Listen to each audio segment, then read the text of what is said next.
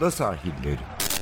Hazırlayan ve sunanlar Mert Aydın ve Alp Ulagay. Londra'dan Dünya Spor Gündemi.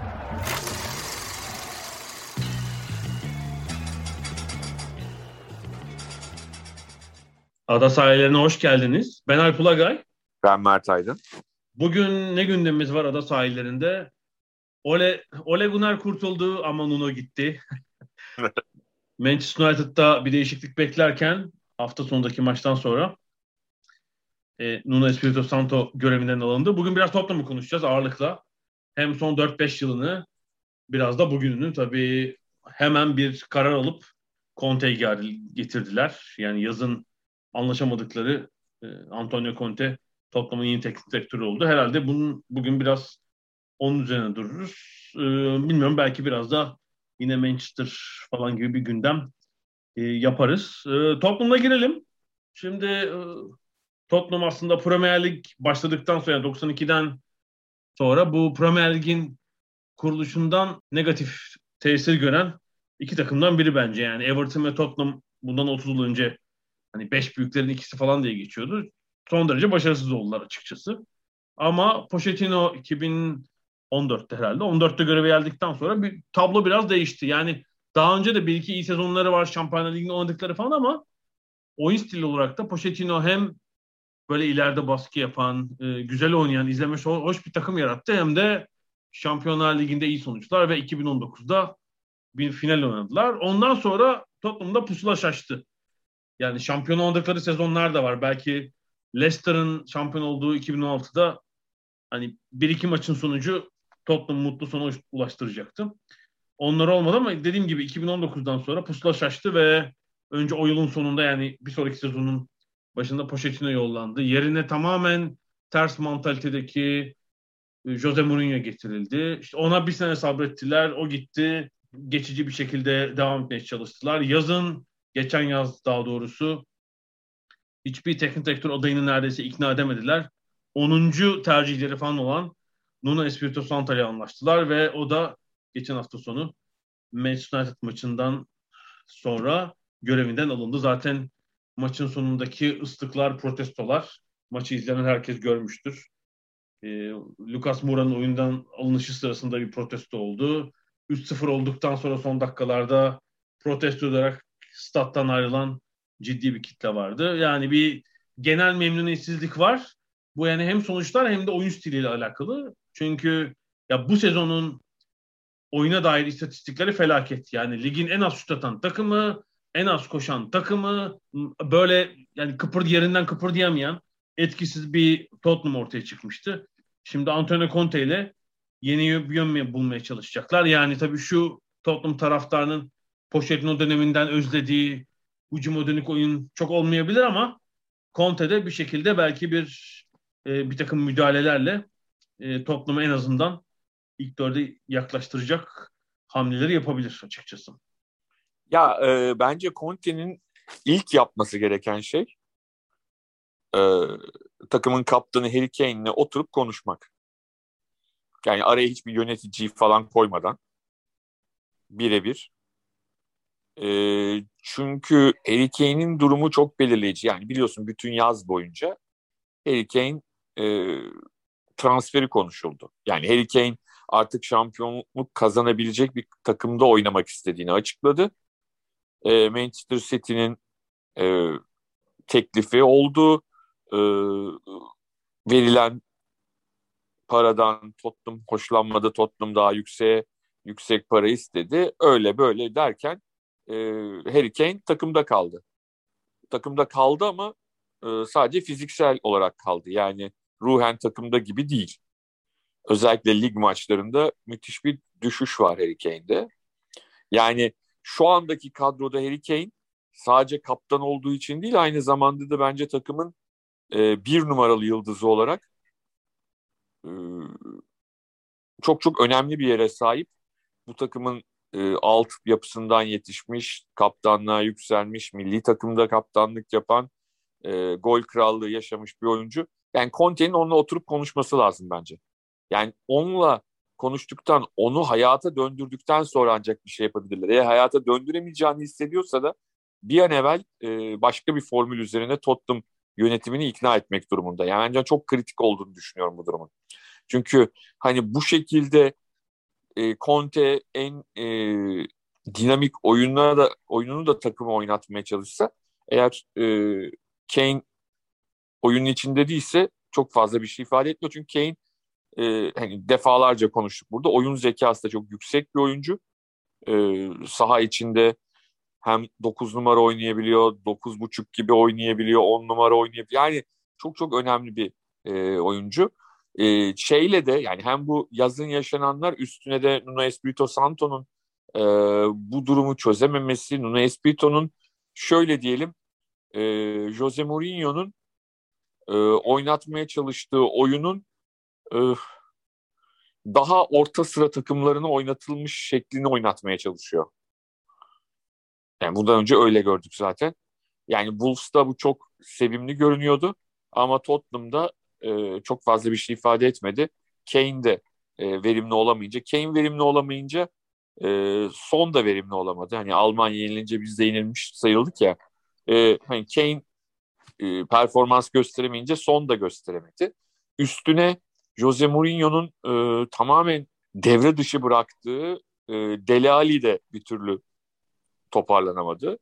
Yani Tottenham'ın aslında gerçekten iyi bir menajer dokunuşuna, iyi bir teknik adam dokunuşuna fazlasıyla ihtiyacı var her açıdan. Ama galiba hepsinin ötesinde asıl sıkıntı Tottenham'ı yönetenler. Yani evet bugüne kadar hani, ve bu programda da biz çok işte yabancı sermayenin Premier Ligi bazı geleneklerini e, olumsuz etkilediğini konuştuk. Ama hani Daniel Levy gibi e, hani bu ülkenin vatandaşı, bu ülkenin e, iş adamının kulübü yönetirken yaptığı bazı şeyler, bazı e, hareketler, bazı tercihleri hani sanki uzaydan gelmiş bir e, yönetici gibi. Yani bu da bu da bir acayip. Yani bunu bir Rus yapsa, bir Çinli iş adamı, Arap iş adamı yapsa bin bir tane şey söylerdik. Nuno Espirito Santo tercihi yani e, şöyle diyelim Jose Mourinho'nun ardından Jose Mourinho'yu istemiyoruz o gitsin ama yerine Nuno Espirito Santo gelsin. Gerçekten çok saçma bir şeydi. Ya saçma ama şöyle bir şey. Yani Tottenham'a niye çok büyük bir tek sektör gelsin ki? Değil mi? Yani böyle bir sıkıntı var. Tottenham'ın bir çekiciliği yok bence. Londra, Londra ve stat dışında Tottenham'ın bir çekiciliği yok. Yani bunu söyleyelim ya. Kadro evet. eskidi. Tottenham'ın hiçbir çekiciliği yok. Yani stat ve Londra dışında. Yani bir çok uzun zamandır geleneği olan bir takım değil. Kadro eskidi. Yönetim biraz eski model. Yani çok büyük bir teknik adamı şimdi bir şekilde ikna ettiler Conte'yi. Conte de çünkü yani Inter'deki iyi bir sezondan sonra boşlukta kaldı açıkçası. Yani belki bir tekrar hamle lazım ama hani kadroda da çok ciddi bir hamle olması gerekecek. Yani yönetim şöyle ilginç. Daniel Levy aslında kulübün küçük orta hissedarı. Böyle bir yapı bir Crystal Palace'da var galiba. Steve Parish aynı zamanda küçük ortak ve hani chief executive gibi davranıyor biraz. Hani bir de Tottenham'da var galiba. Genelde çünkü biliyorsun yani kulüp sahipleri, hissedarlar günlük icrada çok olmazlar yani. Bir CEO getirirler, başka bir yönetici getirirler. Çok önemli kararlarda müdahil olurlar ama günlük işleyişin içinde çok olmazlar. Yani burada hem o var. Bilmiyorum Tottenham'ı tekrar yani oyuncular için bu sefer çekici hale getirebilecekler mi? Yani şimdi o Pochettino yıllarından sonra Şampiyonlar Ligi'nin de uzağında kaldı bu takım. Ve bu sezon da yani Conte ne yaparsa yapsın ilk dört çok kolay olmayacaktır. Orada büyük bir karambol var yani. Belki dördüncülük için 6-7 aday olabilir. Yani Arsenal'ı toparladı. West Ham zaten iyi. Bir e, hele yani savunmaya ve orta sahaya bir takviye yapmadan devre arasında. Şimdi kadroya güveni falan var deniyor Conte'nin ama ben hiç zannetmiyorum yani. Conte'nin istediği yani çok oyuncu var. istediği bazı oyuncular yok. Yani kanat bekleri falan belki ama yani savunmaya muhtemelen üçlü savunmaya dönecektir. savunmaya ve orta sahaya bir mutlaka oyuncu isteyecektir. O zamana kadar da takım ne durumda olacak? Hala Şampiyonlar Ligi'nde potasında olacak mı? Kestiremiyorum. Yani bayağı iş var Tottenham'da. Doğru ama ben hani şuna e, evet büyük hoca gele, gelemezdi belki ama Conte'den bahsetmiyorum tabii. Şey Nuno Espirito Santo döneminden bahsediyorum. Ama yani hani bu takımı biraz daha e, daha iyi bir futbol oynatabilecek bir hoca bulabilirlerdi gibi geliyor bana. Nuno Espirito Santo'dan önce yani ille de e, çok muhteşem işte Klopp seviyesinde Guardiola seviyesinde bir hocadan bahsetmiyorum. Ama bilmiyorum yani Nuno Espirito Santo birazcık sanki şey gibi oldu. Ki ben çok severim. Yani burada da konuştuk. Nuno Espirito Santo benim sevdiğim e, hocalardan bir tanesi ama e, yani sanki orada biliyorsun hani Mourinho ile Nuno Espirito Santo Mendes biraz hani sanki yine işin içine girmiş gibi. E, bir hocam gitsin öbür hocam gelsin gibi bir şeyler yapmış olabilirler bilmiyorum. Ama e, an, ana meselenin e, şu olduğunu düşünüyorum. Yani Conte geldikten sonra da acaba yönetimden doğru kararlar gelecek mi? Yani öyle ya da böyle Conte tamam. Yani Conte'nin e, şu ana kadar başardıkları çok eveliyen geveleyen bir hoca değil. Yani kısa süre içinde genelde belli bir başarıyı yakalayan gittiği takımlarda bir hoca. Bu çok önemli. Yani Premier Lig'de şampiyon olmak kolay değil. Yani gelir herkesi şampiyon yapıyor, onu da yapar demek çok zor. Tottenham'ların da bence beklediği şu anda şampiyonluktan öte yeniden Pochettino dönemindeki o 4-5 yıllık süreçteki ilk dördün demirbaş takımlarından biri olmak. Bunu e, sağlayabilecek çapta bir hoca ama dediğin gibi e, yine bol transfer biraz cebinde akrep vardır Levy'nin. E, yani Tottenham'ın parası olmadığını söylemek herhalde e, çok, çok doğru bir şey olmaz ama zorlu bir yönetici. Ama benim başta söylediğim gibi bence çok en kritik nokta Harry Kane'in durumu. Yani Harry Kane ne yapmak istiyor? Harry Kane kalmak istiyor mu gerçekten? Kalıp böyle oynayacaksa bence Conte'ye hiç fayda getirmez. Ee, o onun netleşmesi lazım. Onu netleştirmedikleri sürece Conte ne yaparsa yapsın, kimleri alırsa alsın zor olur Tottenham açısından işler. Ben öyle düşünüyorum açıkçası. Diğer taraftan e, diğer oyuncular tarafından bir kere mesela dediğim gibi Dele Alli olayını da çözmeleri lazım. Yani Dele Alli e, Pochettino döneminde İngiltere milli takımının artık hani oyuncusuydu.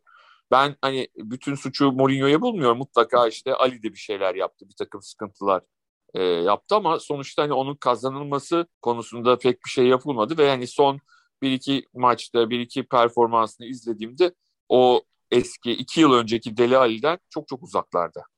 Bu kadar potansiyel potansiyelli bir oyuncuyken belki Euro 2020 kadrosunda normal şartlarda herkesin oynayacağını hayal ettiği 2-3 sene öncesinde bir oyuncuyken ortalarda yoktu. Bu açıdan bakıldığında e, Conte'nin önünde bir sürü e, soru da olacak. Yani soru işareti de olacak. E, hani transfer etmek istediği oyuncular hariç bu takımda da potansiyeli olan bazı oyuncuların yeniden en azından kafaca takıma dönmeleri gerekiyor. Öyle de bir durumla karşı karşıya olacak. Ben müthiş bir kalı yani geçen sene de böyleydi. Kadroda müthiş bir kalabalık olduğunu düşünüyorum. Yani kaleciler harici 22 oyuncu var. Mesela ee, Ryan Sessegnon hala duruyor. İşte Wings evet. biraz gözden düştü. Ya Pochettino döneminin önemli kilit oyuncularının çoğu zaten hala kadroda işte. Dyer, Wings, Dele Ali. Ben mesela Dele Ali, Lo Celso bunların Conte'li hiç şansının olmadığını düşünüyorum. Yani hiç ilk 11 falan olmaz bilmiyorum. Yani kadroya alır mı? Deli Ali'yi belki kadroya bile almaz maç kadrosuna falan. Onun hiç istemeyeceğini düşünüyorum. Yani bu şey diyecek yani Endombeles, Lo Celso, Deli Ali. İkisini gönderin diyecek bunların. Satın. Ya şöyle bir iddia okudum geçen gün. Hı. Kim söylüyordu Endombele'yi bu daha önce istemiş diye. Ama hani Chelsea'deyken mi istemiş, Inter'e mi istemiş bilmiyorum. Hani öyle bir e, iddia dolanıyor ortada. Eğer o doğruysa belki onu bir şekilde e, hani oynamasını sağlamak için çaba sarf edebilir. Ya şey hiç beğenmeyecek bence. Yani bu bahsettiğim oyuncuların mücadele gücü Kane'inki de keza öyle ama Kane zaten sezon hazırlığı da kaçırdı. Tabii. Hala Kane... seviyesi hala evet. seviyesi istenen düzeye gelmedi. Yani onu nasıl toparlarlar? Bir küçük ara mı verirler? Şimdi milli takım falan da var. Beraber çalışmak da mümkün olmayacak. Belki hani konuşacaklar diyecek yani bir bir iki hafta biraz yükleme yapalım, bir şey yapalım. Sen biraz toparlan öyle ilk 11'e alayım. Şu an onun isteyebileceği oyunu kendini oynadığını oynayabileceğini zannetmiyorum. Ee, yani bir takım fazlalıkları, bazı eski oyuncuları gözden çıkarmak lazım artık. Bence hani tabii, tabii. yapacak bir de yani yenileri de eklendi işte. Emerson geldi, Romero geldi, eklenenler oldu, kimse gitmedi. Oyuncu da satamıyorlar. Böyle bir gariplik var yani. Talep mi yok, fiyatta mı anlaşamıyorlar? Daniel Levy çok mu para istiyor? Bilemiyorum. Sanki... Antrenörler gidiyor, oyuncular evet. duruyor. Yani çok, çok e, acayip bir durum olduğu kesin. Çok acayip oldu. Yani Conte demek ki bir şekilde ikna oldu. E, ne konuştular, ne e, şey yaptılar bilmiyoruz. Bu Conte gelsin. Belki ilk büyük basın toplantısında bir takım ipuçlarını verecektir. Tabii şöyle evet yani yaz bilmiyorum başka teklif aldım ama yazda iş, yazın iş bulamadı. O bir kadar on gün bir hafta önce de Manchester United dedikodusu vardı. E, orada bir hareket olmayınca görüşmedi şey olmadı herhalde. E, bilmiyorum bu sefer topluma geldi. Yani Premier Lig'de çalışmak istiyorsa aslında uygun bir yer. Bu arada Newcastle için ismi geçti. Bence kabul etmemekle doğru yaptı. Evet. Orada çünkü işler bayağı e, kötüye gidiyor açıkçası. Yani kaç hafta oldu satış olalı değil mi? Hiç kimse ikna edemediler. Hala geçici hoca var. Çok evet mantıklı. yani başka da şansları yok orada geçici bir hoca. Yani aslında Steve Bruce'u aslında takımın başında bırakıp yani ligde kalmasını bir şekilde sağlamak ilk hedef olmalı diye düşünüyorum orada. Yani o, onu yap, e, yapmadan direkt çok üst düzey bir teknik adamla anlaşmaya çalışmak e, sıkıntı olabilir. Şey açısından da takımın ligde kalması açısından da sıkıntı olabilir. Yani aslında bu takımın şu anda Newcastle'ın için en ideal hoca kimdi biliyor musun? Eğer işi olmasaydı. Rafa Benitez. Hani kulüpte çok saygı duyulan, Newcastle'da belli işler başarmış bir hocaydı. Ayrıca da hani yüksek kalibreli, hani sonuçta Şampiyonlar Ligi kazanmış bir hocaydı. Ama şu anda Everton'da olduğu için böyle bir ihtimal kalmadı. Ee, Konuşuldu aslında biliyorsun. Onun da ismi evet. geçti. Ama Everton'ı bırakmaz falan orada da işler kötü gidiyor bu arada. Evet. bir acayiplik var. Yani bakalım bunun, bunun altından ne çıkacak ama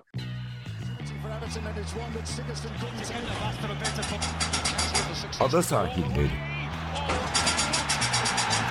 Londra'dan Dünya Spor Gündemi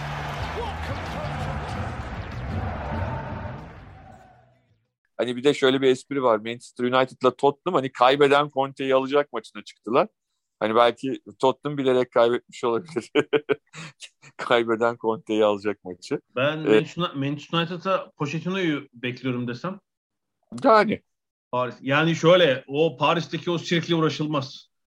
Evet. Aklı, aklı başında üst düzey bir teknik direktör. Yani sonuçlar kötü olmayabilir ama yani o sirkle uğraşılmaz gerçekten. Hani bir sirke çevirdiler takımı. Gerçekten öyle.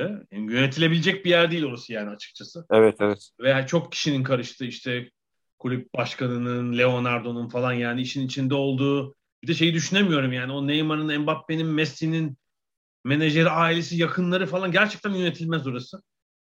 Bence Pochettino ne yapsın etsin. Şu United zaten bir tökezler mutlaka yine.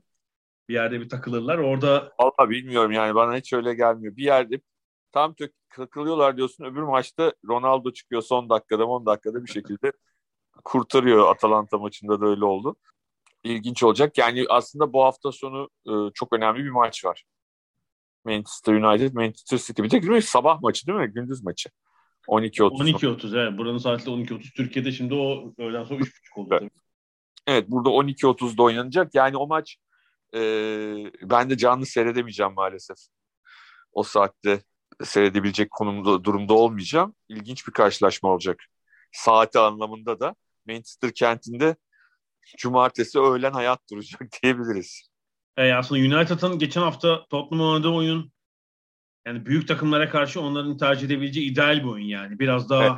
geriyi geride emniyeti e, ön planda tutup işte üçlü savunma, iki kanat beki, önlerinde iki defansif orta saha ve bundan sonraki fikstürleri de öyle. 5-6 hafta böyle oynayabilecekleri rakiplerle oynuyorlar. Ama işte Varan sakatlandı bu sefer mesela. Bunun evet. kilit oyuncularından biri bu sürecin sonuna kadar oynayamayacak. Bir ay yok. Yani bütün evet. zaten önemli maçları kaçıracak. Yoksa City'ye de böyle oynayıp mesela çok fazla pozisyon vermeyip bir sürpriz daha yapabilirler. Yani City'nin de zorlandığı bir oyun olabiliyor. Yani erken gol atamazlarsa kilitlendikleri evet. maçlar oldu bu sene. Palace evet. maçı gibi geçen hafta. Böyle evet. bir sürpriz yapabilirlerdi. Şimdi tabii üçlü savunmayı nasıl kuracak? Luke Shaw'u mu geri alır? Bilmiyorum nasıl bir üçlüyle oynayacaklar. Ama ya yani Atalant, maçlardan evet. biri olacak. Atalanta maçından sonra Paul Scholes BT'de e, çok endişelendiğini söyledi. Yani e, Vara'nın sakatlığıyla birlikte e, özellikle savunmadan çok zaten yakınıyordu. E, Maguire'ın yaptığı hatalardan e, Atalanta maçında da örnekleriyle gösterdi. Vara'nın yokluğunun City maçında çok büyük sıkıntı yaratabileceğini söyledi.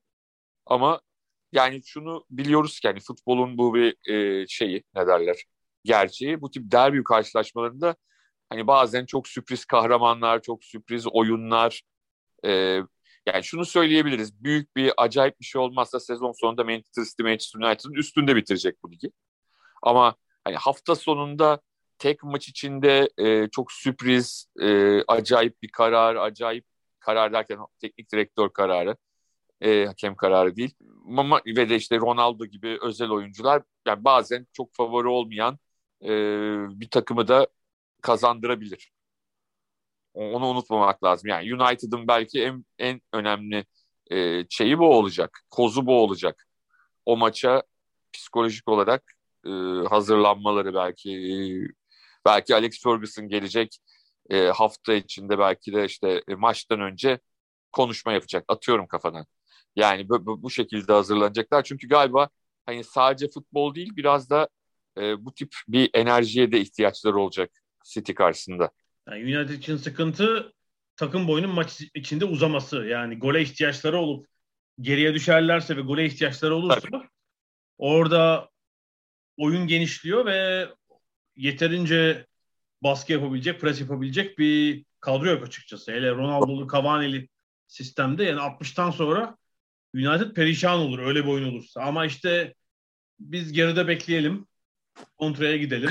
Hani golü de yemezlerse e, o zaman herhangi bir sonuç olabilir Evet, Rashford'u oynattı Atalanta maçında. Cavani'yi oynatmadı. O şekilde oynadılar ama yani şunu tekrar unutmamak lazım. Ronaldo'nun büyüklüğüne, attığı gollerdeki ustalığına hiç dediğim gibi itiraz edemem. Ama oyun devamlılığı problemi nedeniyle oyunu daha önce bildiğimiz Ronaldo 2-3 2 sene Juventus'a gidene kadar ki Ronaldo diyelim. Oyunu tek başına neredeyse domine eden bir oyuncuydu. Şimdi oyun yani şimdi yetenekleri ve oyun zekasıyla maçın belli bölümlerinde ortaya çıkıyor. Ama bu her zaman her maçta size yeterli olmuyor. Atalanta maçında yeterli oldu puanı kazanmak için. Ama işte ligde birçok karşılaşmada ligde bile yeterli olmadı. City maçı ama hani onun için e, vitrin maçı ve e, fazlasıyla motive çıkacaktır o da karşılaşmaya. Bakalım yani ben çok merak ediyorum onun performansında bu karşılaşmada. Ben Scholes'un dediklerinden korktum. Biliyorsun iki hafta önce öyle dediğinde hafta sonunda Liverpool 5 tane attı. ben korkuyorum dedi ya. Yani hafta içi Şampiyonlar Ligi'nde öyle bir yorum yapınca hafta sonu takım beşlik oluyor. Evet ben Scholes'u şu anlamda seviyorum. Scholes Hı. mesela Roy Keane de çok zor beğenir bir biliyorsun yorumcu. Ama Roy Keane'in biraz şov yaptığını düşünüyorum. Yani bazen hani e, ne, nasıl diyeyim kötü gördüğü bir şeyi sanki ekstra kötüymüş gibi biraz huysuz görünme adına söylüyor gibi geliyor bana. Biraz onu hani o ününü e, pekiştirmek için futbol hayatındaki, teknik adamlığındaki ününü e, pekiştirmek için yapıyor gibi. Scholes çok sakin. Hani aynı futbolculuğu gibi. Yani çok sakin bir adam. Çok böyle yani sanki çok önemsiz bir şey söylüyormuş gibi konuşuyor.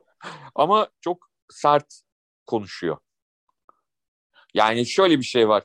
Ee, yani şunu da yapabilir çok rahatlıkla. Sonuçta Ole Gunnar Solskjaer eski takım arkadaşı ve yıllarca beraber hani e, yüzlerce maç oynadılar. Başarılar, başarı hepsini beraber elde ettikleri ve çok muhtemelen de sevdiği bir arkadaşı. Hani onu koruma adına e, bir takım şeyler yapabilir diye düşünüyorum. Yapabilirdi. onları yapmıyor. O anlamda ben e, şey yapıyorum ne derler. Yalnız o Manchester aksanından zaman zaman dediklerini anlamasam da e, Mesela Gary Neville da Manchester'lı ama onu net anlıyorum ama e, Paul Scholes'u anlamakta zaman zaman güçlük çekiyorum yani. İşte 10 yılı devirdiği için artık o Sky'da o biraz değiştirdi şeyi. Ekran ekranda daha farklı konuşmayı açıkçası öğrendi. Halk arasında başka türlü, ekranda başka türlü. Öyle olabilir. Hakemler gibi değil mi? Türkiye'de farklı, Avrupa'da farklı.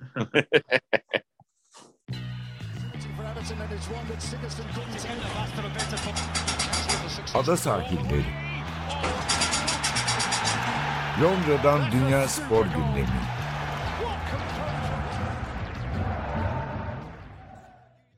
Yani şu ilginç tabii. İki, iki antrenör gitti ilk 10 haftada ve yani koltuğu sallantıda olduğu söylenen hocalar var yani. Manchester United biri. Aston Villa, Dean Smith değil mi? Çok kötü sınavlarda takım. Yani bu hafta sonu kötü bir sonuç gelirse orada da bir değerlendirme yapılacağına dair şey var. Bu arada kaç hoca? 3 hoca gitti. 3, 2 diyorum.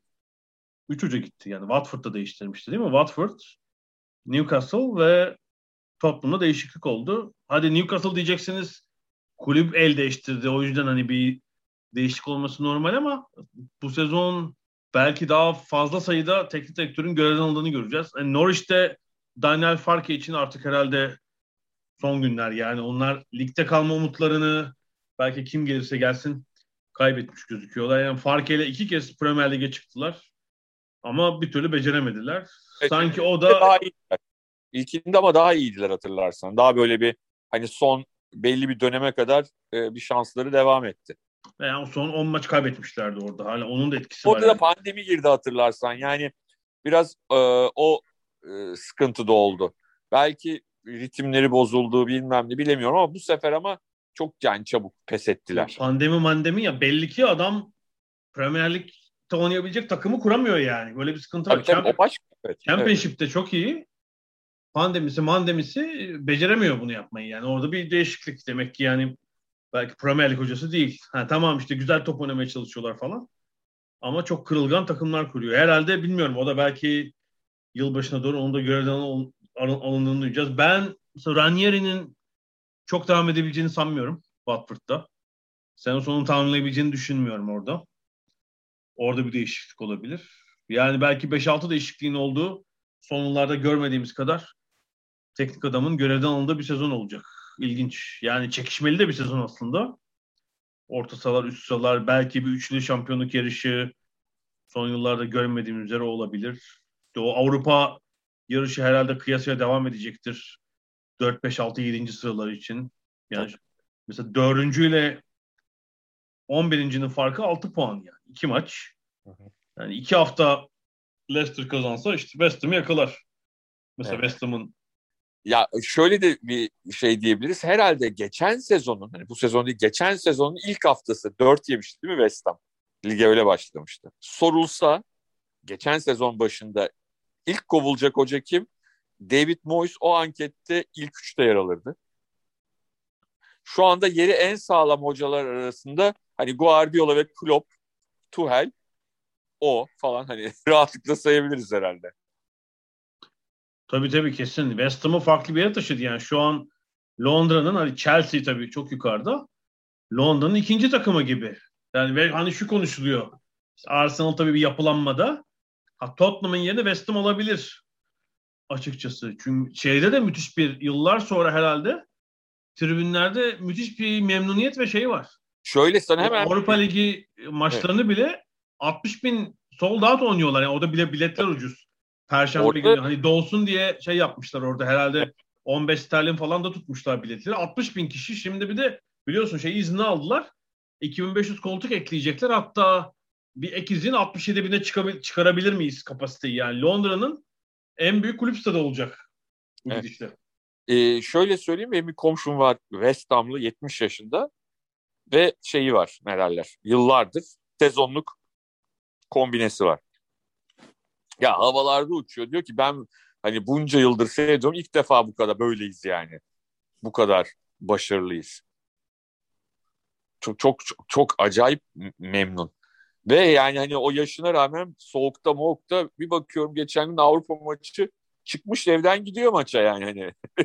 hani bu saatte kim gidecek Avrupa maçı işte UEFA Avrupa Ligi falan demiyorlar ya demiyor yani. Hani o kadar mutlu ki çünkü e, gittiği zaman istediği sonuç olabileceğini düşünüyor ki United'dan sonra City'yi de elediler lig kupasında. Evet bir de Karabağ Kupası'nda, Lig Kupası'nda çeyrek finaldiler. Şimdi bundan sonraki 5 haftanın 3'ünde 3 şampiyonluk adayla oynayacaklar. Orada ne kadar dirençli, sert ve iyi olduklarını göreceğiz. Yani evet. oradan mesela bir galibiyet çıkarsa işte bu hafta Liverpool var. Sonra 28 Kasım'da City ve 4 Aralık'ta Chelsea maçları var. Oradan bir, bir, bir galibiyet, bu üç maçtan 4 puan falan. Ha, diyeceğiz Belki. ki hakikaten çok ciddi bir ilk 4 adayı. West Ham yani zaten ciddi aday da hani o ciddi ciddi göz dikmişler diyeceğiz. Yani David Moyes'un e, yaptığı büyük iş West Ham'da. Yani iki sezon önce küme düşme adayı takım. Bir baya baya Şampiyonlar Ligi adayı haline geldi ve bu hafta sonu da bininci maçına çıkacak resmi maçına. Kariyerindeki. Gayet güzel rakam. Yani gerçekten futbol dahisiymiş onu anladık. evet bir işte Man United'da olmadı bir, bir şekilde. Yani Ferguson sonrası dönem belki hemen sonra değil iki sonraki hoca olsa başka bir şey olacak falan. Evet. Ya adam çok sallandı ondan sonra. Yani o Manchester United hani şeyi ne derler karizmasını o kadar bozdu ki yani Real Sociedad e, sonra Sandım, evet sandım. sonra bir daha bir West Ham var. Yani bir türlü e, hani o, çünkü Everton'dayken hani belli bir istikrar içindeydi.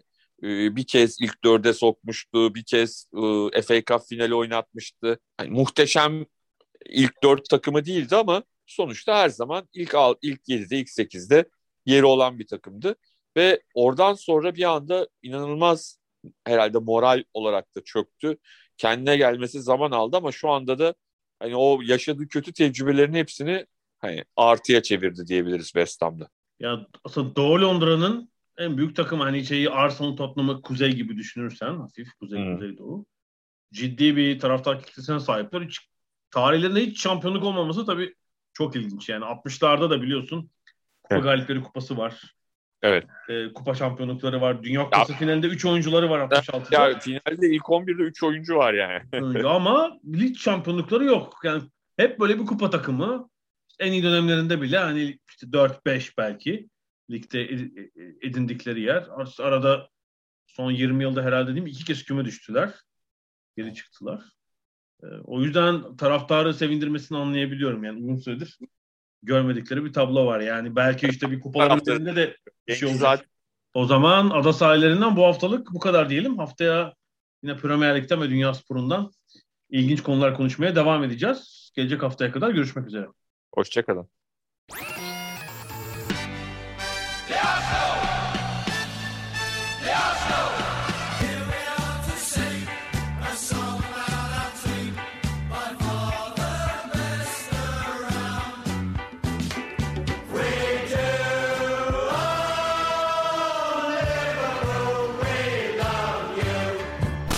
Ada sahilleri. Hazırlayan ve sunanlar Mert Aydın ve Alp Ulagay. Londra'dan Dünya Spor Gündemi.